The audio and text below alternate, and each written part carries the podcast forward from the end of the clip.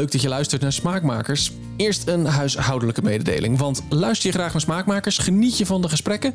Dan zou ik het ontzettend tof vinden als jij de podcast een steuntje in de rug wil geven. Dat kan eenvoudig via petjeaf.com slash smaakmakerspodcast. Daar kun je lid worden van de podcast voor 3, 6 of 10 euro per maand. Dat heeft voordelen. Voor jou en ook voor mij natuurlijk. Want met jouw bijdrage kan ik smaakmakers blijven maken en wellicht in de toekomst de podcast verbeteren en uitbreiden. Jouw voordeel is er ook heel direct: een extra podcast. Speciaal voor donateurs maak ik Smaakmakers Culinaire Vragen Podcast. In deze bonuspodcast stel ik mijn gasten vragen uit Smaakmakers Culinaire Vragenpot. Een grabbelton vol vragen als: wat is je grootste culinaire blunder en welk gerecht dat iedereen lekker vindt, vind jij niet te eten? En die podcast is alleen exclusief voor mensen die Smaakmakers steunen via Petje Af. Dus geniet jij van Smaakmakers en wil je de podcast ondersteunen en die exclusieve bonuspodcast horen? Check dan de Petje Af pagina van Smaakmakers via de link in de afleveringsomschrijving. En uh, alvast bedankt. Dit is Smaakmakers. Mijn naam is Segert van der Linden. Leuk dat je luistert. De chef-kok werd dan gevraagd en die, die ging ons dan uitleggen hoe we melk op moesten schuimen. als ik daar nu op terugkijk, dan is dat echt met gekromde tenen. Voor we beginnen eerst een klein beetje administratie bijwerken. Ik wil Nadra bedanken voor haar bijdrage via petjeaf.com slash smaakmakerspodcast. Daar kun je smaakmakers steunen. Dat kan al vanaf 3 euro per maand. En daarmee help je mij om de podcast te blijven maken. Dat vind ik heel tof. En in ruil daarvoor krijg je niet alleen een vermelding in de podcast. Maar je krijgt van mij ook eh, met enige regelmaat een speciale bonus podcast. Smaakmakers Culinaire Vragen podcast. En ik kan je vertellen, ook bij deze aflevering hoort een bonuspodcast. Die staat nu of uiterlijk ergens woensdagochtend online op petjeaf.com slash smaakmakerspodcast. Enige voorwaarde is dus dat jij een maandelijkse of een jaarlijkse donatie doet aan smaakmakers. En dan kun jij die podcast luisteren. Maar met wie is die podcast dan, vraag je af. Nou, dat heb je waarschijnlijk al gelezen in de titel. Dat is met Marijn Gijsbers. Die naam zeg je misschien niet zo heel veel, maar hij is een van de beste baristas van ons land. Inmiddels geeft hij over de hele wereld advies over koffie. En nu mocht ik even bij hem langskomen. Dus ik, geef, dus ik greep mijn kans. Ga er maar even goed voor zitten, want drie kwartier lang kletsen wij over koffie. En dat is heerlijk. Met twee kleine opmerkingen nog. Allereerst, het was wat onrustig om ons heen. Er werd gras gemaaid en zo, dat soort dingen. Dat zul je af en toe een beetje horen op de achtergrond. Um, ja, dat is een beetje het risico van een podcast opnemen op locatie. Het tweede, check smaakmakerspodcast.com, uh, want er staan wat foto's en die helpen je wel. Foto's van het smaakwiel waar we het over hebben, maar ook foto van de koffies die Marijn voor mij zet. En daar beginnen we mee. We gaan wat proeven. En ja, als je het hebt over koffie, is dat wel extra leuk. Twee verschillende koffies. We gaan even proeven. Alsjeblieft. Oh ja, je ziet wel verschil. Je ziet wel echt verschil, hè? Tussen Ja, de twee, hè? Ja, ja. De ene is echt wat, wat dieper donkere, eh, dieper donkere kleur. Ja. De crema. En de andere is inderdaad echt licht. Ja, een beetje, crème kleurig-achtig. Ja. Ja, die is Ja. ook lichter gerozen. Dus Ja. je ziet dat vaak ook bij ehm, wereldkampioenschappen. Dus dan heb je zo'n scoreformulier waar je op een heleboel punten beoordeeld wordt. En eentje daarvan is crème aanwezig, ja of nee. Je zou eigenlijk verwachten dat ehm, als dat een vereist is, dat iedereen zorgt dat die crème erin zit. Maar eh, bij een licht geroosterde koffie is die niet altijd aanwezig in de espresso. En wat je dan eh, eh, dus ziet, is dat heel veel kandidaten dat eh, puntje net missen. Oh, maar goed, ja? dat compenseert zich dan wel weer in de kwaliteit van de smaak. Maar waarom is die crema dan zo belangrijk? Ja, dat is van vroeger uit.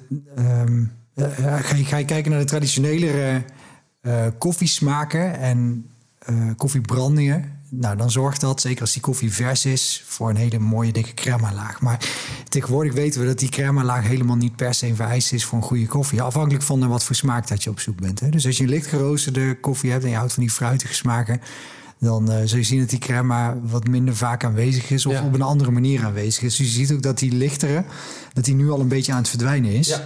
Terwijl die donkere, die heb ik eerder gezet. Maar daar zit eigenlijk nog steeds een crema laag op. Ja, die is echt nog wel heel aanwezig inderdaad. Ja. Ja. Dus dit is, dit, is de, dit is de lichte, dit is de fruitige. Ja, dat is dus een eh, Ethiopische koffie. Eerst Hij even komt- doorroeren, hè? Ja, eerst even doorroeren. Vandaar dat het lepeltje bij ligt. Eh, hij komt uit de regio Guji. En wat het leuke hieraan is, dat, eh, dat we dus ook precies weten van welke boeren dat hij vandaan komt, hoe dat die koffie verwerkt is. Hè? Want de koffie is eigenlijk de pit van een koffiebes. En die pit, die gaan we roosteren. En dat is uiteindelijk dus de koffie eh, boon zoals De wij boon kennen, de gebrande ja, boon.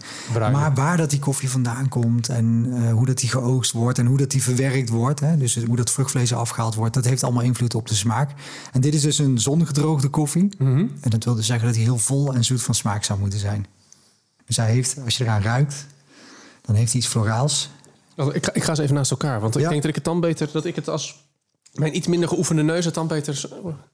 Oh ja. Ja, dus die donkere die ruikt ook al meteen wat, ehm, eh, wat kruidiger. Ja, ja, ja, ja wat, wat zwaarder inderdaad. Ja. Wat, wat zwaardere. Nou ja, dat is natuurlijk ook met het donkere. Nou, als we dan gaan proeven, je mag een beetje slurpen als je dat wil. Dan zuig je wat lucht aan. Oh ja. Het is inderdaad zo- zoetig. Ja, dat noem je dan fruitig, hè? Ja, Ja. Het is bijna zoet. Het is, het is, het is heel gek, want de koffie is natuurlijk bitter. Maar het is bijna zoetig, zoetige smaak. ja, en ook zoet kun je weer heel erg uit elkaar trekken. Hè? Dus eh, waar heb ik mijn telefoon neergelegd? Oh, hier. Dan laat ik even smaakwiel zien. Hij is ook een beetje, een beetje fris. Wat zit ik nu, nu kunnen nadenken. Een beetje, beetje licht, een beetje fris zuurig of zo zit er ook een beetje in. Zeg ik dat goed? Ja. Zeg ik dat gek? Ja, Zeg absoluut. iets heel geks? Nee. Nee, gelukkig. nee, nee, het klopt wat je zegt. Dus wat wij vaak gebruiken, ehm, zeker bij het trainen, is een coffee flavor wheel. Mhm. Dus eh, je moet het wiel van, ehm, eh, van binnen uitlezen. Hè? Dus je Ja. begint in het centrum en dan zie je dus dat er al een aantal ja, smaakcategorieën zijn. Dus bijvoorbeeld bij, ehm, ja, nu, nu we het hebben over fruitige koffie, die zie je er als het goed is Ja, tussen staan. Hè? ja, Fruity. fruity. En als je dan fruity, als je één stap naar buiten gaat, dan zie je dat ook fruitig in verschillende categorieën in te delen valt. Ja. Bessen, gedroogd fruit, eh, citrus. Ja. Exact. Dus nou, deze eh, zou ik denk ik in de eerste instantie een beetje richting citrus sturen. ja. En dan zou je dus, als je een hele goede koffie hebt en als je een goed getraind palet hebt, dan kun je nog een stap verder gaan. En dan zie je dus dat je zelfs die citrus nog verder uit kan splitsen. Dus Ja. bijvoorbeeld naar limoen of citroen of grapefruit of sinaasappel. En het wil niet zeggen dat je maar één van deze smaken in een koffie terug kan proeven. Dus hoe gelaagder en hoe complexer dat die is, hoe meer smaken en hoe meer aroma's dat je in zo'n koffie terug kunt vinden. Ja, ja. En normaal heeft deze koffie ook nog iets van rijpe ananas erin zitten. Die proef ik nu niet zo terug. Framboos zit er vaak in. Die is nu ook wel iets meer naar de achtergrond verdwenen. Maar die roos die we vaak in deze koffie terugproeven... die had ik net bij het aroma wel weer heel sterk. Oh ja. Ja, dat, dan, dan, wordt, is, dan, dan zie je dat jij de pro bent en ik eh, de enthousiaste hobbyist. Dat proef ik er niet uit. En dan hebben we dus die andere, die, die, die, die meer donkere. Ja, nou, deze heeft ook nog steeds wel iets zoets erin zitten... maar dat gaat wat meer Zo. richting gekarameliseerde suiker misschien. Maar dat is niet de hoofdsmaak. Dus wat je hier vooral in proeft... eh, nou, ik zal jou eerst zelf eens Die even laten bitters, hier komen echt die ko- Dit zijn echt die koffiebitters. Dit is echt poef, in één keer op je tong. Ja. Daar is koffie. Maar proef je alleen bitters of is die wel in balans? Dus wat wij als barista altijd zoeken is een Hm. zuurtje en een bittertje. Dat moet met elkaar in balans zijn. Eventueel Nee, dat, klopt. Het is, niet, het is niet van die doorgebrande, veel te zwarte koffie... waarvan je je mond samentrekt. Want je proeft inderdaad die bitters. ehm, maar hij is wel prettig. Ja, Het is een prettig bitter. En dat zal dan die balans zijn, denk ik. Ja ik denk als je deze als eerste geproefd had... dat die bitters wat minder aanwezig zouden zijn. Dat is dus je proeft ze inderdaad ja, wel. ja. Maar ze zitten vooral in de nasmaak, hè? Ja. in de afdronk. Maar Hij blijft ook langer. Hij heeft ook een, een langere, eh, langere nasmaak. Een langere afdronk. Exact. Ja, hij blijft langer hangen. Ja. Nou, en als we hier dan wat verder op door gaan proeven... dus die bitters die zijn inderdaad vrij dominant. Maar als je wat door die bitters heen probeert te proeven... dan merk je ook dat daar iets nootachtigs in zit. Ja, ik denk dat dat is wat ik ruik. Wat ru- ruik ik dat? Is dat? Zit ook wel een is het aroma. super, super herkenbaar. Dat ik denk, ik herken er iets in, maar ik, ik kom er niet op wat het is. Dat is. En iets kruidigs zit erin. Ja, Misschien een beetje ehm, kaneel. dat is het misschien wel. Een beetje die specerijen hint Ja. die erin zit. Dat is het misschien wel. Het is, het is iets waarvan ik het zelf... Ik, ik kan zelf het vinger niet opleggen wat het is. Maar het, het ruikt super bekend. Hm. Ja, en in de geur had ik ook iets van cardamom. Maar die ruik ik nu eigenlijk niet meer. Die had ik vooral voordat we hem eh, de eerste slok proeven. Dat is dus ook leuk. Het verandert dus ook op het moment dat je ja, een, koffie wat langer staat. Als je hem net uit, uit het apparaat haalt. Of als je hem hier nu al... hè, Hij staat nu, wat is het, een paar minuutjes op tafel. Ja. Tien minuutjes. Leuk, Het verandert de smaak ook. Superleuk. Ik snap wel dat jij dit leuk vindt. Ja, ja is, eh, ik vind het het leukste vak wat er is. Ja, ja. ja want we hoorden dit vaak over wijn.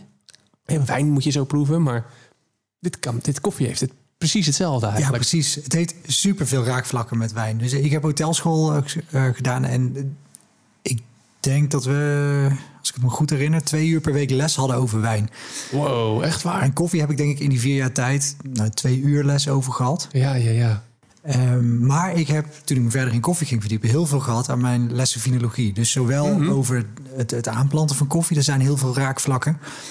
Ehm, maar zeker ook wel bij het proeven en het uh, ja, eventueel het combineren van koffie met een gerecht. Ja. Dat doe je natuurlijk met wijn heel vaak, hè? Ja, die wijn-spijscombinatie. Zou je dat met koffie kunnen doen? Want ik, ik weet dat, hè, dat restaurants er steeds meer mee experimenteren. Hè. Klassiek is natuurlijk naar wijnspijs. Nou, bier is ook langzaamaan een beetje aan het komen, cocktails. Maar uh, thee wordt ook, ook wel voorzichtig aan gebruikt. Koffie, is dat ook? Ja, het kan wel, maar het is moeilijker. Omdat je bij koffie een hele uitgesproken smaak hebt. En je moet Ja. niet vergeten, bij wijn heb je zo ongeveer 400 unieke aromatische bestanddelen die aanwezig kunnen zijn. Terwijl bij koffie is dat het dubbele, tot 800. Ja. En dan kunnen we niet al die bestanddelen als mens waarnemen. Maar het maakt het wel een lastiger product om eh, te combineren Ja. met, met voeding. Maar het, het kan zeker wel. Eh, met espresso is het nog net iets lastiger als met een filterkoffie. Mhm. Omdat je dan al wat meer richting een thee-achtig drankje gaat. Dus het is natuurlijk ja, ja. veel verdunner. Hè? Espresso is heel geconcentreerd, dus heel, heel luid. Dus ik vergelijk het vaak met een bonbon en een stuk gewone chocola, een chocoladereep. Zo'n bonbon is echt een smaakexplosie. Eh, klein, compact, Ja, eet je er en enorm van. intens. Ja. En zo'n reep, eh, ja, daar eet je er ook wel eentje van. Maar dat is wat... eh Nou ja, dan kun je iets makkelijker dooreten, lager. zeg maar. Precies, ja. En daar eet je dan een grotere hoeveelheid. Ja, ja, ja, dat is het. Ja, wat, wat leuk. Hoe ben jij hier verder in verzeld geraakt? Want je hebt dus hotelschool gedaan. Ik las al, je hebt, jouw ouders hadden ook een horeca-achtergrond. Ja. je bent erin opgegroeid. Hoe ben jij voor die koffie gegaan? Nou ja, eigenlijk dus door die horeca-achtergrond.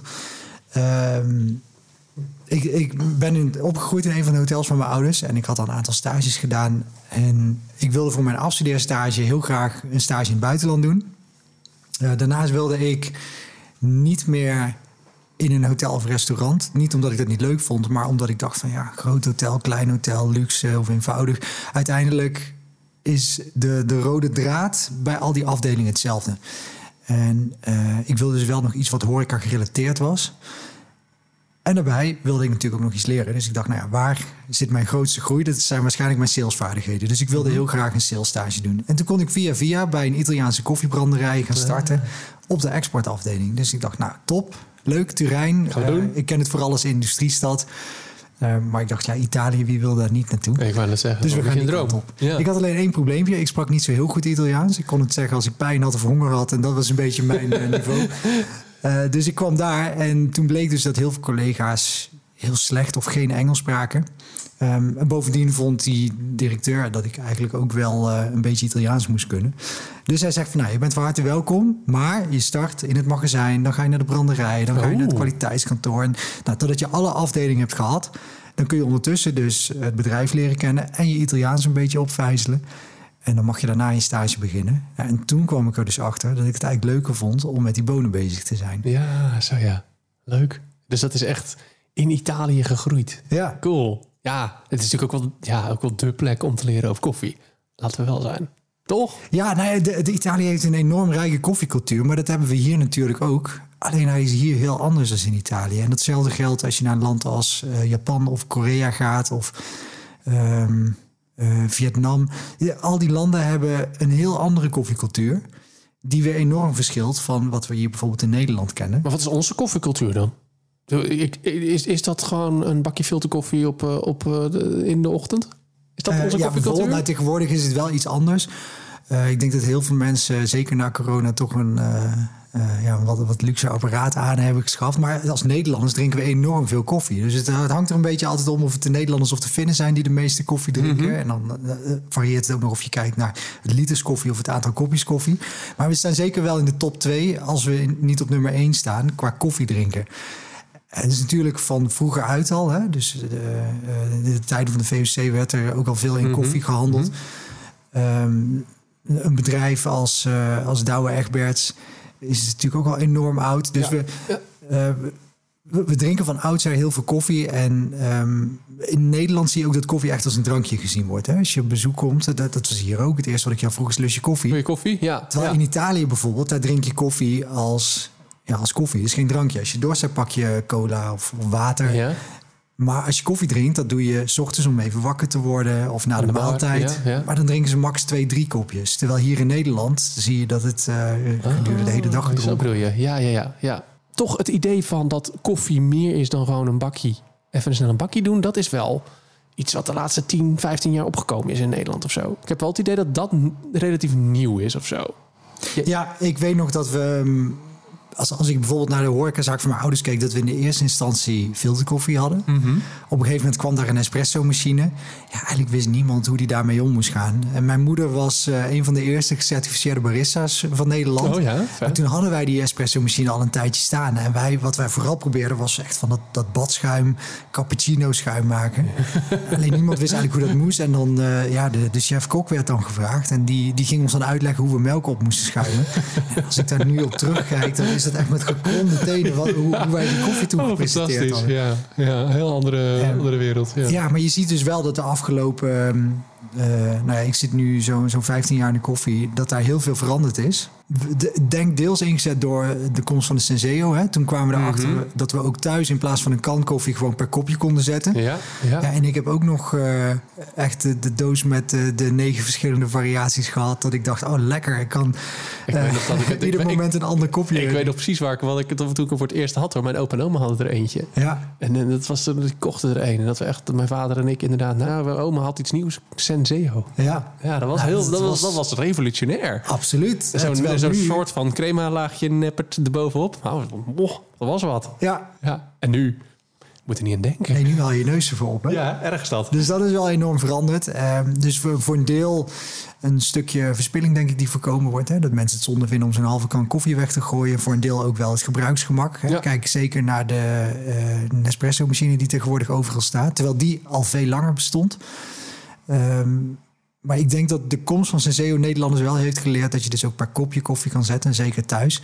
En nu de afgelopen twee jaar is er opnieuw een stap gemaakt. Als je gaat kijken naar het aantal uh, duurdere espresso-apparaten, dus in een iets hoger segment dat verkocht is, dat is enorm. En waarom? Omdat we gewend zijn dat we tegenwoordig op het werk een goede bak koffie kunnen drinken.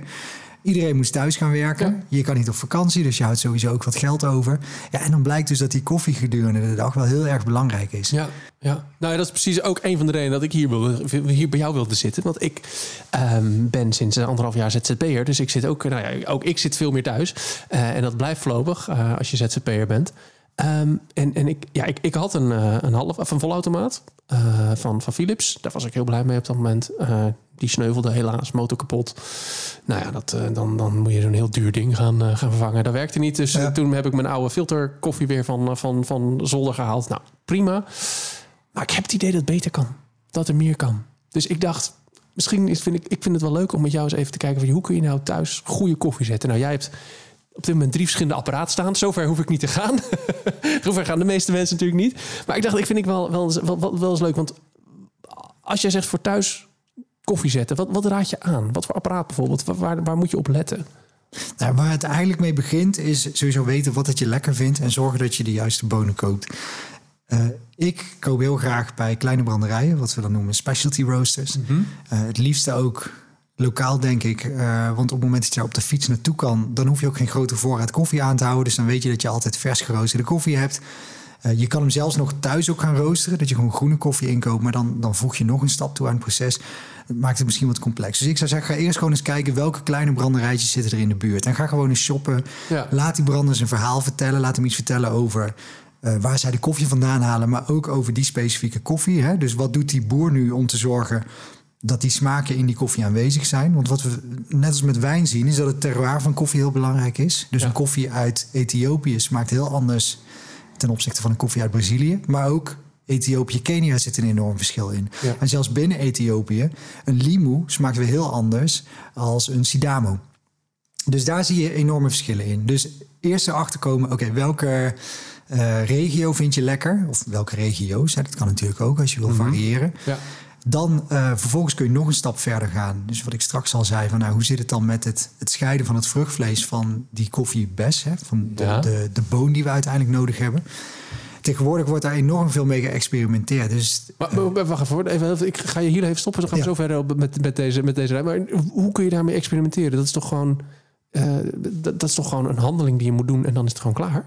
Ja, in theorie wel. Maar het moment waarop dat je die handeling verricht en op wat voor manier, hè, dus hoeveel zuurstof is erbij betrokken en welke gisten worden eventueel nog toegevoegd, dat heeft allemaal uh, invloed op de uiteindelijke smaak. Dus je moet je voorstellen, zo'n eh, zo'n bes op het moment dat je die plukt, dan moet die rijp zijn. Hè? Dat is niet anders dan met eh, bijvoorbeeld, eh ja, noem ze iets Ja, bramen. Als je bramen niet ja. op een rijp moment plukt, dan zijn ze ook niet lekker. Dan Ja. zijn ze wrang. Nou, dat geldt voor koffie ook zo. Dus je wil eigenlijk een optimale hoeveelheid suikers en een optimale verhouding suikers en zuren in die koffiebes hebben. Op het moment dat je hem plukt. Dat heeft namelijk ook invloed op het aantal suikers in die pit. Dus als die koffie best niet rijp is, dan kun je met die, die pit, dus uiteindelijk een koffieboon, ook nooit zo'n lekkere smaak bereiken. Ja. Dus dat is belangrijk, dat die op optimale rijpheid geplukt wordt. En dan kun je dus vervolgens dat vruchtvlees af gaan halen.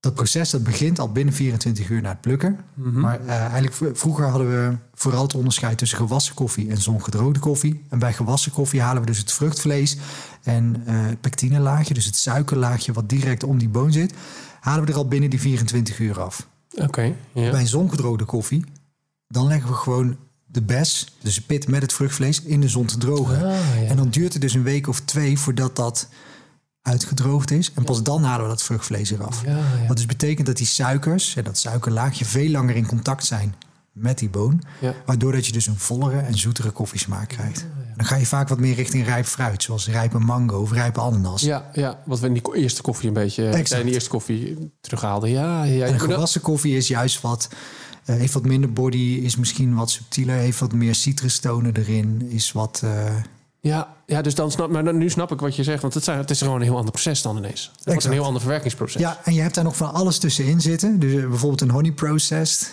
Eh, dus dan, dan eh, haal je wel het vruchtvlees eraf, maar dat suikerlaagje Ah, zo, laat je ja, zitten. ja. Tegenwoordig worden er ook allerlei experimenten gedaan met eh, anaerobische fermentatie, dus zonder zuurstof.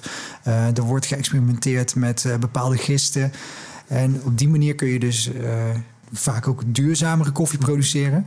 Maar tegelijkertijd dus ook veel nauwkeuriger de, de uiteindelijke smaakuitkomst Ja, bepalen. Juist. Dus- Dus dat is heel belangrijk. Een, heel, een step, stap die denk ik de meeste mensen niet kennen... maar die eigenlijk best wel heel belangrijk is voor hoe je koffie smaakt. Exact. Ja. Dus nou ja, daar Nou begint het al de juiste koffie in kopen. En dus ook weten wat het je lekker vindt. Ja, en vaak wordt bij zo'n branderij ook wel een proeverij aangeboden. Hè? Of ze hebben wat proefzakjes.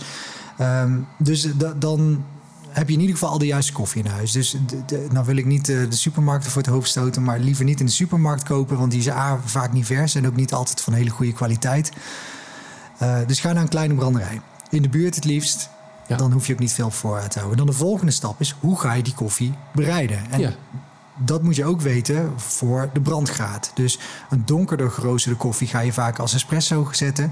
Terwijl voor een filterkoffie heb je een lichtere branding nodig. Ja, ja. Eh, nou hangt het natuurlijk ook vanaf hoeveel werk wil je aan je koffie besteden. Wil je hem zwart drinken of wil je eh, bijvoorbeeld een cappuccino of een latte drinken? Eh, en ook wat is je budget? Ja. Nou wil het niet zeggen dat je meteen eh, een, eh, een hele bankrekening leeg moet gaan trekken om een goede koffie te drinken. Nee, nee, je had het net over apparaten van 2500 euro. Dat is niet voor iedereen weggelegd. Laten we daar eerlijk over zijn. Nee, zijn. precies. Dat- Eh, je kan ook gewoon eh, een, een Melitta eh, opgietertje kopen. Dus een, een, een filter Ja. eh, houdertje wat je op je kopje zet. Ja, Eh, als ik moest kiezen investeren in een maler of in een machine... en ik had maar een beperkt budget... dan zou ik altijd investeren in een koffiemaler. Oh Het kan een handmalertje zijn of een klein huishoudelijk elektrisch malertje. Maar zorg dat het maal schijven zijn en niet messen. Mhm. Dus je wil echt dat die koffiedeeltjes in gelijke stukjes gebroken worden. En op het moment dat je van die messen hebt die ronddraaien... Ja, ja. dus dat wordt bijvoorbeeld ook wel eh, gebruikt om, om zaden te... ja ik, ik heb, ik heb zo'n specerij, eh, zo'n spice grinder. Ja, Daar exact. zitten Dus dan zie je in. dat de stukjes niet allemaal even Ja, groot zijn. Nou, en wat gebeurt er dan? Dat een klein eh, korreltje koffie, daar, dat heeft natuurlijk naar verhouding veel meer contactoppervlak.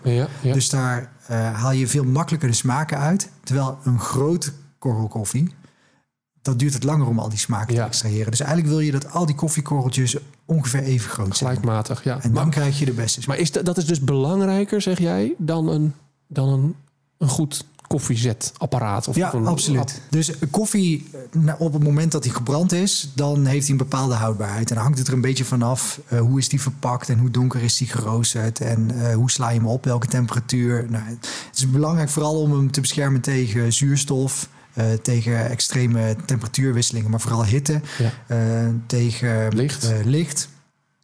Altijd in een blik, nooit in een pot. Ja, of gewoon terug pot. in de zak en die zak luchtdicht afsluiten. Dat, dat is eigenlijk het allerbeste. Ja. Want de, die koffie die stoot namelijk CO2 uit. Nadat die direct nadat hij uit de brander komt, dan begint hij al met het vrijlaten van CO2. En in het begin zal het heel veel zijn. Dus Mhm. we houden vaak ook een ontgastingsperiode aan. Dus dat duurt eh, afhankelijk ja, van de koffie en de brandstijl zo'n vijf dagen eh, tot twee weken. En dan is koffie optimaal qua smaak. Dus dan proef je pas echt het karakter van die koffie. Dan is hij nog steeds na die twee weken of na die vijf dagen die CO2 uit het stoten, maar in veel minder extreme mate. Maar eh, naarmate dat hij dus steeds meer gassen vrijlaat, gaat ook de kwaliteit achteruit. Dus het aroma Ah, wordt Ja, ja. ehm, wel wat vlakker, de smaak wordt wat vlakker. Ja, en afhankelijk van hoe lang dat je hem kunt bewaren, hangt dus af van die brandgaat aan die verpakking, et cetera. Ja, en dan ja. varieert dat tussen eh, ja, een week nadat je de zak geopend hebt tot eh, drie maanden nadat je de zak gekocht hebt. Het is niet dat hij dan gevaarlijk is om te drinken of dat hij ondrinkbaar is qua smaak, maar je merkt wel dat die smaak hard Ja, achteruit. ja ik, ik heb ooit een keer, toen had ik inderdaad dus dat vol automaat. Toen, heb ik, toen gingen we twee, drie weken op vakantie. Toen had ik de bonen in het, in het reservoir laten zitten. En toen kwamen we terug op vakantie, zaten die bonen daar nog in. Dus toen heb ik daar als proef maar een keer een kopje koffie mee gezet. Nou, dat is minder lekker. hè? Ja, het was een soort slecht gezette eh, Senseo. Zo, zo proefde het. Ja, het was heel vies. Heel vies. ja. Ja, een goede test is als je even aan de bonen ruikt en het ruikt naar papier en je hebt niet meer dat, dat eh, Oh ja. intense koffiearoma, ja, dan weet je eigenlijk al dat ze, dat ze Ja. klaar zijn. ja, of gewoon drie weken ergens in een, in een, in een doorzichtige ruimte laten zitten. In een is pak ook laten zitten. Dan weet je zeker dat het klaar is. kan ik je vertellen. Dat, dat, dat doet hem niet meer. Ja. Nee, maar eigenlijk wil je dat zo'n koffiezak luchtdicht afgesloten is. Hij hoeft niet gevacumeerd te zijn. Hè. Eh, dat kan ook niet, want die CO2 die blijft natuurlijk ontsnappen uit die bonen. Is dat de reden dat er, er vaak in zo'n filterzakje zo'n zo'n zo'n zo'n ventieltje chipje zit? zo'n ventieltje, exact. En dat is dus een eenrichtingsventiel. Dus dat zorgt ervoor dat de aroma's, de, de gassen wel naar buiten kunnen, maar geen zuurstof of vocht erin. Juist, ja. Dus nou, dat soort zakken kun je meestal tussen ja, maand en drie maanden na de branddatum nog wel prima drinken. En dan dus, dan dus bonen, niet ver- voorgemalen koffie.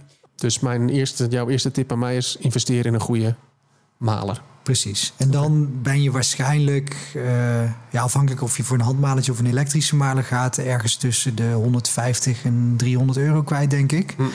Je kan nog gekker gaan. Je kan ook een maler van geloof ik. 3000 euro, euro kopen, maar dat is echt niet nodig. Ik kan zeggen, jij hebt hier een, een, een indrukwekkende unit in de keuken staan. Ja, maar deze die wordt echt eh, gebruikt voor industriële testen. Ja. Dus dit, dit is niet nodig om, eh, om thuis neer te zetten. Nee, Weet je, nee, en nee, hij nee. neemt ook heel veel ruimte in. Ja, Dus, ja, ja, ik een vind het unit, een, ja. een heel mooi object. Dus misschien dat je het ook wel als een, als een investering in kunst kunt zien. Maar het, eh, nee, het is absoluut niet noodzakelijk. Nee. Dus dan hebben we goede koffie, een maler. En wat, En dan moet je hem op gaan gieten. Dus wat je kan doen, We gaan een kastje open. Ja, ja. dan halen we een filtertje tevoorschijn. Ja. Dit is gewoon een kunststof eh, opgietfilter. Daar gaat een papieren filtertje in. Eh, dus dat zet je op je kopje of op een kannetje. Eh, daar doe je je koffie in. En dan is het dus belangrijk dat je de juiste maalgrofte hebt. Nou ja, daar heb je die maler voor. Ja, dus dat je die maalgraad aan kan passen. En dat je dus ehm, eh, ja, op de juiste manier ook opgiet. Dus de juiste hoeveelheid gemalen koffie en waterratio. Ja. Dus eh, het standaard neem je bijvoorbeeld 6 gram koffie per 100 gram water. Dus Mhm. vandaar dat je een barista ook altijd met een weegschaaltje ziet eh, rommelen. Ja, ja. Veel mensen vinden dat gedoe, maar dat zorgt er wel voor dat je een consistente kop koffie hebt. Dat niet de ene kop koffie heel anders smaakt dan de andere. Eh, en dus de wijze van opgieten, dat eh, eh, ja, dus, eh, heeft ook invloed op de smaak. Als, als je het opgiet, niet, niet thuis, maar dan heb je, heb je zo'n speciale, zo'n speciaal kannetje daarvoor, toch? Met zo'n Ja, lange, lange tuit eraan. Dat kan. Als je, ja, als je nog wat eh, budget over hebt, dan zou je het aan kunnen schaffen. Maar het is echt niet strikt noodzakelijk. Het maakt het iets makkelijker, maar eh, met een gewone waterkoker kun je ook opgieten. Ja, Precies, dus zorg dat het water net even van de kook af is. Eh, dan laten we vaak eerst even wellen, of bloemen heet het op zijn Engels. Mhm. Dus dan giet je een klein beetje water op. Gemiddeld kan 1 gram gemalen koffie 2 gram water opnemen. Dus Mhm. stel we hebben 30 gram eh, eh, koffie in de filter zitten, dan gieten we dus zo'n 60 gram water op. En dan zie je dus dat die net allemaal bevochtigd is en dat hij uit begint te zetten. En dat is dus eh, al het overtollige gas wat erin zit, dat begint dan ruimte vrij te maken, zodat het water gelijkmatig door dat koffiebed kan. Ah, Dus zouden we dat niet doen, zouden we meteen alles opgieten, dan is er nog heel veel gas aanwezig in die koffie.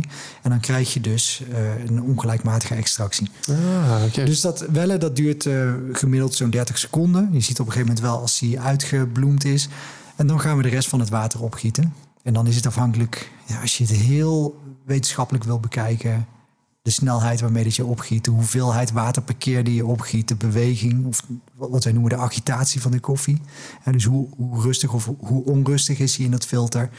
Eh, je kan hem eventueel nog een keer doorroeren. De samenstelling van het water is belangrijk. Als je heel, heel hard water hebt, dan smaakt het heel anders als water wat heel zacht is, of als er misschien een bepaalde restwaarde chloor in het water zit, dat wil je er liever niet in hebben. Dus je kan het zo gek maken als het je wil. Maar de gemiddelde Nederlander wil gewoon, denk ik, weinig gedoe. Juist. En dan met een goede maler, een goede koffie en eventueel een, uh, een opzetfilter, dan ben je al een heel eind. heel eind, ja. Wat wel grappig is, want ik heb zo'n ding. Een, eh, een witte kunststof. Die eh, zit in de camping uitzet. Daar zet Ja. ik op de camping koffie mee. Ehm, deze is helemaal open aan de onderkant waar het water doorheen gaat. Die van mij heeft eh, drie van die gaatjes op een rijtje zitten. Ja, dus bij die van jou gaan er andere filters in. Dit noemen we een eh, V60. Dit is van Hario, dat is een Japanse firma. Die zijn met name gespecialiseerd in eh, filter, ja, filterzetmethodes. Dus dit is een methode. ehm, ik denk dat ik hier achter mij nog wel een paar staan. Dan ga ik even de microfoon Oh ja, is weg. goed hoor. Ja, ja, dat- ja, dat is goed. Dat is goed. Gaat het kastje weer open, dan komen inderdaad... Oh ja, er komen nog wel meer dingen uit. Kijk. Oh ja. De rest heb ik hier nu niet staan. Maar dit Nee. is eh, zo'nzelfde vorm. Maar dit is dan weer van een, eh, een andere Japanse fabrikant, Origami. Deze kun je ook gewoon... eh, Maar hier gaat hetzelfde filter. in. Dus dit is ook gewoon een puntvormig filter. Maar die jij hebt... gewoon op je, op, je, op je aanrecht laten staan. Dat is een hartstikke mooi ding. Ja, mooi, mooie houten houder erin. Ja, hij is alleen wel van porselein. Dus eh Ja, voorzichtig zijn met afwassen. Maar inderdaad, het is een, Dat is een mooi apparaat, een mooi prachtig ding. object. Ja, ja, die kun je wel laten staan. Maar hij doet eigenlijk hetzelfde als die V60. En ook dat camping opgiet stukje wat, je hebt, daar kun je prima koffie mee zetten. Maar wat je dus zult zien is... ehm, kijk, hier zitten ribbeltjes aan de zijkant. Terwijl deze die heeft hele diepe groeven aan de zijkant die ja. recht naar beneden lopen. Eh, je kan je dus voorstellen dat dat filter niet helemaal tegen de zijkant aangeplakt zit. Dus die Mhm. ribbeltjes zorgen ervoor dat er ook ehm, ja, bepaalde luchtcirculatie aan de zijkant is. En dat er ook Ah, wat water aan de buitenkant van het filter langs kan lopen. Dus op het moment dat je een... Ja, ik heb hier geen Chemex staan, maar die heb je wellicht al ooit gezien. is een glazen kan met Oh, ja. een houten eh, nek eromheen. Ja, ja, ja. Nou, die heeft geen ribbels aan de zijkant. Dus dan zit het filter volledig tegen die glazen rand aangeplakt. Mhm. Daar krijg je dus ook weer een andere eh, extractie mee als met deze filtertjes. Ja. Dus ehm, ja, dat, dat heeft invloed. En ook de onderkant. Dus deze is helemaal open aan de onderkant. Maar die jij hebt, daar zitten drie gaatjes in. Dat betekent dus dat het water er langzamer doorheen Ja, loopt. ja. Waardoor dat het dus ook langer in contact is met de koffie. En je dus waarschijnlijk ook een iets vollere smaak krijgt. Wat gaaf. En zo kun je dus ook met je filtermethode eh, Ja. ja, bepalen wat voor smaak je uiteindelijk in je kopje krijgt. Ja. En misschien kan het ook nog zo zijn dat de ene koffie lekkerder is met een V60 en de andere juist misschien met zo'n zo'n drukpot, zo'n cafetière. Ja. French press noemen we Ja, dat ook wel. En dat is ook een prima methode om thuis koffie mee te zetten. Ja, ja en ik had, eh, eh, ik was in, eh, in eind april in Rome. Toen hadden we in onze Airbnb hadden we zo'n zo'n mokka-pot. Oh ja, Hè, de ja. koffie onderin. zeg ik dat goed? Ja, de koffie onderin, dichtschroeven, water erop. Nee, andersom. Ja, als je een Napolitaanse hebt, dan doe je het op die manier en dan vervolgens draai je hem om. Ja, Maar nee, dit is er waarschijnlijk één geweest waar je water in doet. Ja. Dan koffie en vervolgens pruttelt het juist, water. dat was de, de, juist, dat was hem, ja. ja. Ik moest even denken hoe het ook weer zat. Ja, dat was hem inderdaad, ja. Dat is ook prima voor een één of twee kopjes 's Ja, ochtends. zeker. Allemaal lekker, ja. Het grappig, al deze methodes, het is veel meer, ehm, meer naar de kwaliteit en naar de kwantiteit kijken, even grof gezegd. Ja, nou ja, en, en weten met wat voor product dat je werkt. En ja, goed, ik kan natuurlijk eh, uren of misschien wel dagen over koffie vertellen. Maar datzelfde eh, de- kan een aardappelboer waarschijnlijk als je vraag gaat stellen over aardappels. Dat hoor ik vaker in deze podcast. Hier kan ik nog uren over praten, ja. Ja, ja. ja. Eh, dat dat geldt natuurlijk voor, voor ieder voedingsproduct. En ik denk dat dat het ook zo, zo mooi maakt. Eh, ik vind het over koffie, maar datzelfde geldt voor heel veel andere voedingsproducten. Is dat het een natuurproduct is en dat het daardoor eh, ook ieder jaar anders smaakt. Maar ook wat dat je volgens met dat eh, product doet, bepaalt hoe dat het product gaat smaken. Ja, jij, jij, jij hebt het nu een paar keer over, over eh, weten waar je koffie vandaan komt. Waarom vind jij dat zo belangrijk? Nou, op de eerste plaats, de- de- en dat is een beetje een egoïstische benadering, zodat je weet wat het je koopt en wat, de- of het past bij je smaak. Of misschien omdat je iets nieuws wil proberen en eh, op, op die manier dus wel weet wat het je geproefd hebt. Dus dan kun je het opnieuw kopen. Maar tegelijkertijd is het ook heel belangrijk, omdat dat vaak, niet altijd, maar vaak wel een garantie is, dat die boer er ook een eerlijkere prijs voor heeft gekregen. Eh, dus we drinken enorm veel koffie. Maar we weten eigenlijk niet altijd waar dat die koffie vandaan komt. En eh, ik hoor vaak mensen in mijn omgeving zeggen... ja, de koffie is zo duur. En eh, ik vind dat altijd een beetje een nare opmerking... want koffie is eigenlijk niet duur. Koffie is eigenlijk te goedkoop. Ja, Als je ja. kijkt dat het merendeel op een zak koffie... hier in het Westen verdiend wordt... eh, en dat de koffieboeren enorm weinig betaald krijgen voor een kilo koffie. Je moet je voorstellen, zo'n plant... Een koffieplant, ik weet niet of je hem ooit gezien hebt. Mhm. Nou, dat ehm, duurt ongeveer een jaar of drie voordat hij voor het eerst bessen gaat produceren. Maar pas na vijf jaar spreken we van een oogst. Dus Ja. zo'n boer moet een plantje neerzetten. Pas na vijf jaar begint die plant iets op te leveren. Of in ieder geval omzet te, te, genereren. En dan heb je gemiddeld genomen per kilo koffie één plant nodig. Ja. Nou, een kilo koffie, dat zijn ongeveer 100 kopjes koffie. Ik weet niet hoeveel kopjes koffie drink je op een dag? Eh, twee. Twee. Ja. Ja. Dus dan kun je al uitrekenen hoeveel planten dat alleen jij al Ja, nodig ja. hebt op jaarbasis. ja. Er zijn gewoon zeven of acht planten nodig voor mij om aan mijn koffie thuis te voorzien. En Ja, die over koffie moeten die dus al minimaal vijf jaar oud zijn. Ja. Eh, ga even naar hoeveel ruimte dat die in beslag nemen. Die moeten natuurlijk, eh, ook als ze nog een, een klein plantje zijn, wel de, de nodige aandacht hebben. Dus hoeveel werk dat een boer in zo'n plant moet steken voordat er überhaupt geoogst kan worden. Dan vervolgens moet die koffie geoogst worden. Dat gebeurt over het algemeen met de hand. Hè? Ja. Dat is allemaal handgeplukt. Dan moet die verwerkt worden. Eh, nou, dat is ook een enorm arbeidsintensief proces. Dan eh, vervolgens komt die, in dit geval in Nederland, dan wordt die geroosterd of gebrand. Ehm, dan zijn er al zo ontzettend veel handen met die koffie bezig geweest. En dan klagen wij als we 25 euro voor een kilo koffie moeten betalen. Ik ga dus terugrekenen naar hoeveel cent per kopje dat het is. Ja. Ja. En ik, ik word er soms een beetje boos van als mensen eh 7 euro voor een kilo koffie willen betalen. Want dan weet ik gewoon dat die boer daar eh, echt niet van rond kan komen. Nee. Je moet je voorstellen, eh, ik had het straks over een specialty roaster. Mhm. Een specialty koffie is ongeveer 15% van de wereldproductie. En dat is dus koffie waar we precies weten waar dat die vandaan komt. Wat voor eh, soort koffie dat er gebruikt is, maar dus ook de subvariëteit. Eh z- zal ik straks Mhm. wat meer over vertellen. Welke plantage dat die vandaan komt, hoe dat die boer heet, hoe dat die koffie verwerkt is, Ja, ja. wie dat die koffie geroosterd heeft. Dus iedere stap is eigenlijk wel Precies vastgelegd. Het hele proces. Exact. En er Ja. wordt van uitgegaan dat het wel een ambacht is. Hè? Dus niet alleen eh, dat, dat, dat, je, dat hij te traceren is, maar ook dat het op een, een ambachtelijke manier verbouwd is, geoogst en gebrand. Ehm, op het moment dat mensen heel erg gefocust zijn op zo'n Fairtrade label, dan wil het A niet zeggen dat je ook 100% Fairtrade koffie hebt, omdat Mhm. het soms ook aangevuld wordt met koffie die niet Fairtrade gecertificeerd is. Want de ene jaar is de oogst hoger dan het andere jaar.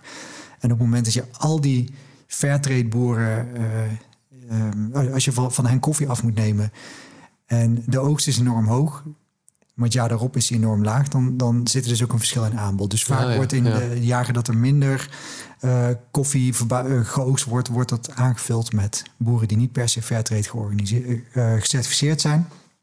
En daarbij is het ehm, ook nog zo dat Fairtrade betaalt een bepaalde eh, waarde bovenop de marktprijs. Maar die Mhm. marktprijs wil niet altijd zeggen dat het kostendekkend is voor zo'n boer. Ja, ja, ja, ja. En op het moment dat je specialty koffie inkoopt, dan is dat dus een koffie waar eh, die, die is sowieso losgekoppeld van de marktprijs.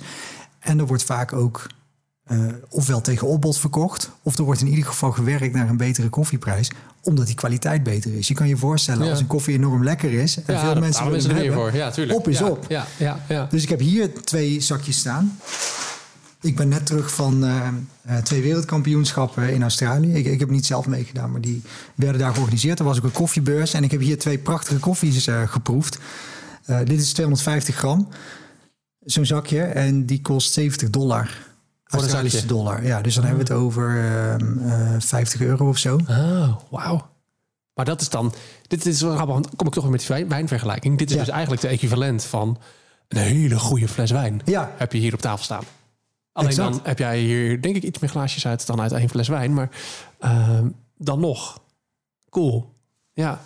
En dit is dus... Dit is dus dit is, want het staat ook inderdaad waar die vandaan komt. Graia Par- Paraíso 92. Ja, Dat- dus ehm, kijk, het is van, eh, van zes specialty coffee roasters. Maar de, de- dus dit had de boer zelf ehm, eh, meegebracht. Eh, want dit was eh, zo'n zo- nieuw project dat de, de grote batches nog niet aangekomen Mhm. waren. Want er, er werd ook nog een hoop bij de douane vastgehouden in, in Australië. Eh, dus eh, er was een heel klein beetje van verkrijgbaar. En eh, ik ben dus op de laatste dag nog langs gegaan om te kijken wat er nog over was en wat ik kon kopen. Dus vandaar dat er met de hand opgeschreven is. Maar je ziet hier bijvoorbeeld Orange Geisha en Stride Bourbon. Eh dus het zijn allebei Arabica koffies. Wellicht dat het Arabica Robusta je al iets zegt. Ja, Eh, Je hebt meer dan 100 soorten koffie. ja. Er zijn er hoofdzakelijk twee die we voor menselijke consumptie gebruiken. Arabica en Robusta. Maar daaronder heb je weer allemaal De subvariëteiten. subvarianten die je net noemde. Juist. Dus zo'n Orange Geisha is bijvoorbeeld een eh, subvariëteit. Maar ook die Stride Bourbon. Oh ja. Zelfs met appels, hè? Ja. Dus, eh, je hebt Granny Smith, Jona Gold, Elstar. Ja, geldt ook voor die koffie zo. Dus iedere variëteit ziet er iets anders uit. Smaakt iets anders, heeft een iets hogere of een iets lagere opbrengst, doet het misschien in bepaalde regio's of bepaalde klimaten wat beter, of bepaalde bodemsoorten. Uh, dus dit zijn twee koffies van dezelfde plantage, Mhm. met twee verschillende variëteiten. Ze zijn allebei met een uh, thermoshock behandeld. Dat wil dus zeggen dat de koffiebessen die worden geoogst, daar wordt vervolgens warm water aan toegevoegd, Mhm. waardoor dus um, uh, die, die suikers ja, goed, goed losgemaakt worden uit het vruchtvlees. En vervolgens uh, wordt er koud water opgegoten. Dus waardoor dat die koffie een shock krijgt. En die Oh. suikers dus ineens weer terug in die pit. Dus in de uiteindelijke koffieboon trekken. Um, en het mooie is dat deze, uh, deze boer... die is enorm gespecialiseerd in dit systeem... maar ook in andere systemen. En die kan dus eigenlijk ieder proces... Uh, wetenschappelijk benaderen en op die manier dus heel consistent en smaak uh, wow. produceren. Dus het is enorm tof om te zien. Ja, dus hij ja, ja. was daar ook. Uh, we hadden het geluk dat we even met hem konden praten. het is enorm interessant om naar zo'n man te luisteren. Ja, dat geloof er zit ik, ja. zo ontzettend veel kennis. Ja, ja dat is voor jou ook leuk. Ja, absoluut. Ja, ik leer gelukkig nog steeds dag bij. Ik wou zeggen, dat is voor jou ook mooi, ja. Ja, en dit is dus dan, dan zo'n product waarvan je zegt... ja, dit wordt dus... Uh, ja, je zegt 50 euro voor zo'n zakje. Dit is dus zeldzaam. Zeg je dat? Laten we het zo Ja. zeggen. Hè? En de, de, de, schaars. Uh, dus gewild. Dus betaal je er gewoon, betaal je er gewoon een goede prijs ja, voor. heeft Ja. deels ook te maken met de variëteit. Dus een orange cash bijvoorbeeld heeft, heeft een relatief lagere opbrengst dan bijvoorbeeld een, een, Ah, ja, ja. een, een, plant. Um, maar hij zal ook niet alleen maar orange geisha verbouwen. Um, ja, en, en het is ook een unieke smaak. Het is natuurlijk ook redelijk arbeidsintensief. Hè? Hij moet ook die, uh, die apparatuur daarvoor aanschaffen. Uh, het is ook een unieke smaak die je niet op iedere willekeurige plantage vindt. Ja, en dat bepaalt mede de prijs. Ja, ja, ja. Maar deze boer kan er, uh, voor zover ik weet, goed van leven. ja.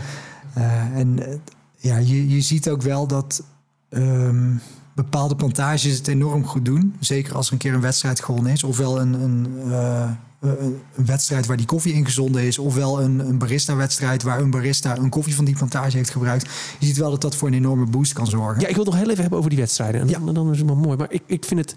Ik vind het zo fascinerend dat altijd. Ik heb wel eens, ik eh, volg op, uh, op YouTube volg ik uh, James Hoffman. Ja. Jou uh, misschien wel bekend. Ja. Een, een Britse ja, koffie, barista, koffiedeskundige. Ja, werd ook ooit wereldkampioen. Um, Um, die deed ook mee. Ik heb, ik heb, hij had ooit een keer heeft hij zijn, zijn wereldkampioen set, hoe noem je dat? Zijn, hij heeft hij gedeeld op YouTube, ja. zijn run.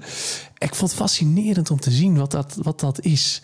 Want je zet dan een aantal verschillende ja, koffies. Maar het is niet alleen dat je goede koffie moet zetten. Het is veel meer dan dat. Kun je dat eens uitleggen? Ja, het hangt op de eerste plaats van welke wedstrijd dat je bekijkt. Dus net als met de Olympische Spelen heb je verschillende categorieën. Dus James heeft, uh, ik geloof 2008 is hij wereldkampioen geworden van de World Barista Championship. Maar je hebt ook bijvoorbeeld een World Brewers Championship. Dat gaat alleen over die, die filterkoffie. Oh, ja, ja, ja. Je hebt een World Roasters Championship. Welke had jij gewonnen nou? Even heel kort tussendoor. Uh, dat was het Dubai International Coffee Championship. Dus dat is dan... Uh, ja, het is geen wereldkampioenschap. Het is wel een internationaal kampioenschap. Uh, maar je hebt bijvoorbeeld de... Uh, ja, ik, ben, ik ben geen heel grote sportfanaat, maar de, de, voetbal is ongetwijfeld ook een Olympische sport. Dus je hebt de, ja, ja, ja. de, de, de Olympische Spelen waar je voetbal kan winnen, maar je hebt dan ook een, een World Cup bijvoorbeeld. Ja, ja. Uh, dus er zijn er verschillende wedstrijden die georganiseerd worden. Dus alle um, World Barista Championship, uh, World Brewers Championship, World Cup Tasting Championship, dat wordt allemaal door de Specialty Coffee Association georganiseerd. Mhm. En daarnaast heb je ook nog andere partijen die ook wedstrijden Ja, organiseren. ja, dus ja, bijvoorbeeld die uh, Dubai International Coffee Championship, um, Coffee Masters is er één, die wordt door, de andere partijen weer georganiseerd. ja. Um, en iedere wedstrijd is iets anders van opzet. Dus die James bijvoorbeeld gewonnen heeft. Ik heb daar in 2016 aan meegedaan. Um, dat is uh, World Barista Championship. Dan moet je in een kwartiertijd 12 kopjes koffie zetten. Nou, dat is eigenlijk de basis. Ja. Dat moeten vier espresso's zijn, vier melkkoffies. Ik denk in de tijd dat James meedeed, was dat nog vier cappuccino's. Tegenwoordig is dat losgelaten. En vier zogenaamde signature drinks. Dus dat kun je zien als een non-alcoholische cocktail. Maar belangrijk is dus dat in iedere gang die koffie de hoofdrol speelt. Ja, en dat ja. dus niet alleen die koffie zo goed mogelijk gezet wordt, maar ook het samenspel tussen al die ingrediënten die koffie als het ware versterkt. Ja. Dus dat is op de, eerste punt, op de eerste plaats belangrijk. Daarnaast wordt er dus gekeken, werk je schoon, werk je consistent. Uh, nou, je hebt daar wel gezien dat mensen echt met een klembordje door hun knieën op Ja, zijn vingers zitten ja, te kijken. Ieder grammetje koffie wordt als het ware nageteld. Ja. Um, dus er wordt gekeken of dat je technisch een goede barista bent. Maar er wordt ook gekeken naar ehm, eh, het, het verhaal wat dat je over die koffie vertelt. Hè? Dus ben jij in staat om te proeven wat dat er in die koffie zit en ook die smaaknotities aan die jury over te brengen. Die jury gaat dan kijken of dat zij die er ook in terugproeven. En je kan je voorstellen, als ik tijdens het bereiden iets verknal, dan zou het best kunnen dat in theorie die smaken wel in die koffie hadden kunnen zitten. Maar als ik die koffie tijdens dat vertellen niet goed bereid, dan gaat die jury dat ook niet terug. Het is eigenlijk een beetje wat jij helemaal aan het begin bij mij deed ook. Even vertellen, dit is, eh, dit is koffie, zeker. komt daar vandaan. bij zo'n wedstrijd dan, dan moet je dus ook wel vertellen wat, eh, ja, welke stappen in dat proces, hè, dus niet alleen de variëteit, maar ook de herkomst en ook die bewerkingsmethode, voor invloed hebben op die smaak. Ja, en ook, ja. eh, Het is ook kennis, een soort kennistest bijna. Het is ook een beetje laten zien dat je, dat je weet wat je bereidt, wat het doet. ja, maar ze zijn ook naar, op zoek naar een ambassadeur. Dus er wordt ook verwacht dat je eh, ja, ook, ook als een rolmodel kunt functioneren. hè. Dus vaak wordt er ook wel weer iets, iets nieuws geïntroduceerd. Dus bijvoorbeeld die malen die hier staat, die Mhm. is in... eh, ik weet het jaar niet meer precies, maar Matt Burger is de eerste geweest die deze maler gebruikte. Want eigenlijk, de, dus de fabrikant van deze malers maakte koffiemalers. Maar dit was eigenlijk vooral een, een, eh, een spice grinder, een, een, een kruidenmaler. specerijen, ja. Ja, en hij is dus uiteindelijk die maler voor espresso gaan gebruiken. En wat je dus En ziet... dat heeft hij daar op zo'n zo'n groot kampioenschap gedaan dan? Ja. Ja, zo ja, ja, ja. Oh, dat is dan dus... En dan, dan is zo'n bedrijf...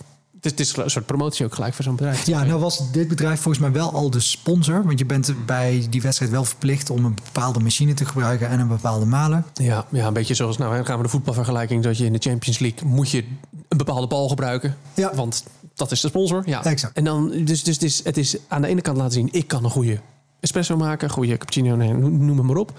Maar aan de andere kant is ook... ik kan een verhaal vertellen, ik kan... Ik, ben, ik, kan, ik kan het ook presenteren. Ik kan presenteren, maar ik heb die kennis ook. Ja. Ehm, maar ook ik ben in staat om eh, te inspireren. Ik- Ik zeg nu ik, maar ik bedoel ik. ik Ja, als ja, de- was deelnemer. Ja. Ja. Eh, Jij was ook deelnemer. Je, je, je hebt het ook gedaan. Eh, maar dat geldt voor al die Dat geldt voor iedereen. Ja, snap ik. Ehm, maar ik kan ook een rolmodel zijn. Ehm, ik eh, kan die koffie ook een podium geven. Dus het gaat niet alleen om die barista. Het gaat het, uiteindelijk, de, de wedstrijd gaat om de barista, maar die koffie speelt daarin een belangrijke rol. Hè? Ja. Dus eh, de- het, het is niet zo dat je zo'n barista iedere willekeurige koffie kan geven. Eh, bij het World Barista Championship. Het draait om die barista, maar die koffie speelt daarin een belangrijke Ja. rol. Dus die DICC die ik gewonnen heb, eh, daar was de insteek weer iets anders. Dus daar werd verwacht dat je twee dubbele espresso's zet. Dus wel vier shots.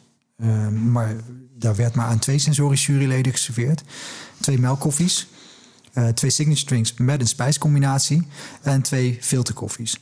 Maar wat ik het, het toffe aan die wedstrijd vond... is dat iedereen eigenlijk op gelijke voet begint. Dus eh, iedereen krijgt dezelfde apparatuur. Nou, ja, dat is niet anders dan bij eh, de SCA-wedstrijden. Maar ook dezelfde koffie. Oh, En je hoort pas 24 uur van tevoren welke koffie dat het is. Dus iedereen krijgt, krijgt dat tegelijk te horen. Maar je krijgt pas een uur voordat je onstage moet, krijg jij de koffie. Dus twee verschillende brandingen. En dan heb je dus een uur de tijd oh om eh, ja, de, de juiste receptuur uit te vogelen. Ja, ja, ja. En dus om ja, de best mogelijke versie van die koffie te presenteren. Dus dan eh, komt het misschien nog wel meer aan op je skills. Ja, dat komt het ook echt aan op kennis. Op weten wat apparatenkennis. Wat kan ik ja, weten wat een koffie doet en kunnen zetten, proeven. Wat moet er beter? Ja. Wauw, dus dan ben je een uur tijd ben je gewoon alleen maar koffie aan het zetten volgens mij. Ja, nou ja, Ja, en, en- en dan, en dan zo'n wijn-spijscombinatie, of eh, wijn-spijs, zo'n koffie-spijscombinatie. Ja, bij die uh, maken kan. spijscombinatie mocht je wel ook je eigen koffie meebrengen. Oh, dus dat is de ja. enige koffie die je wel zelf mee Ja, brengen. Ehm, Ja, anders is het bijna niet te doen. nee, nee, nee, dan is het heel lastig. Dan Ja. In een uur nog eh, een gerechtje bedenken. en de ingrediënten bij elkaar krijgen, dat lukt niet. Ehm, maar ja, het was een ontzettend eh, ja, toffe ervaring. Marijn, dank je wel dat ik eh, bij jou langs mocht komen. Koffie mocht proeven, alles uit, jou, eh, uit je mocht halen. Ehm, ja, we konden inderdaad... Ja, je kunt vast nog wel twee uur langer verder praten. Ehm, wellicht een andere keer. Dank je wel in ieder geval voor nu. Jij ook, dankjewel. Je luistert naar Smaakmakers. Mijn naam is Zegert van der Linden. En je hoorde mijn gesprek met Marijn Gijsbers over koffie inderdaad. Heel veel koffie.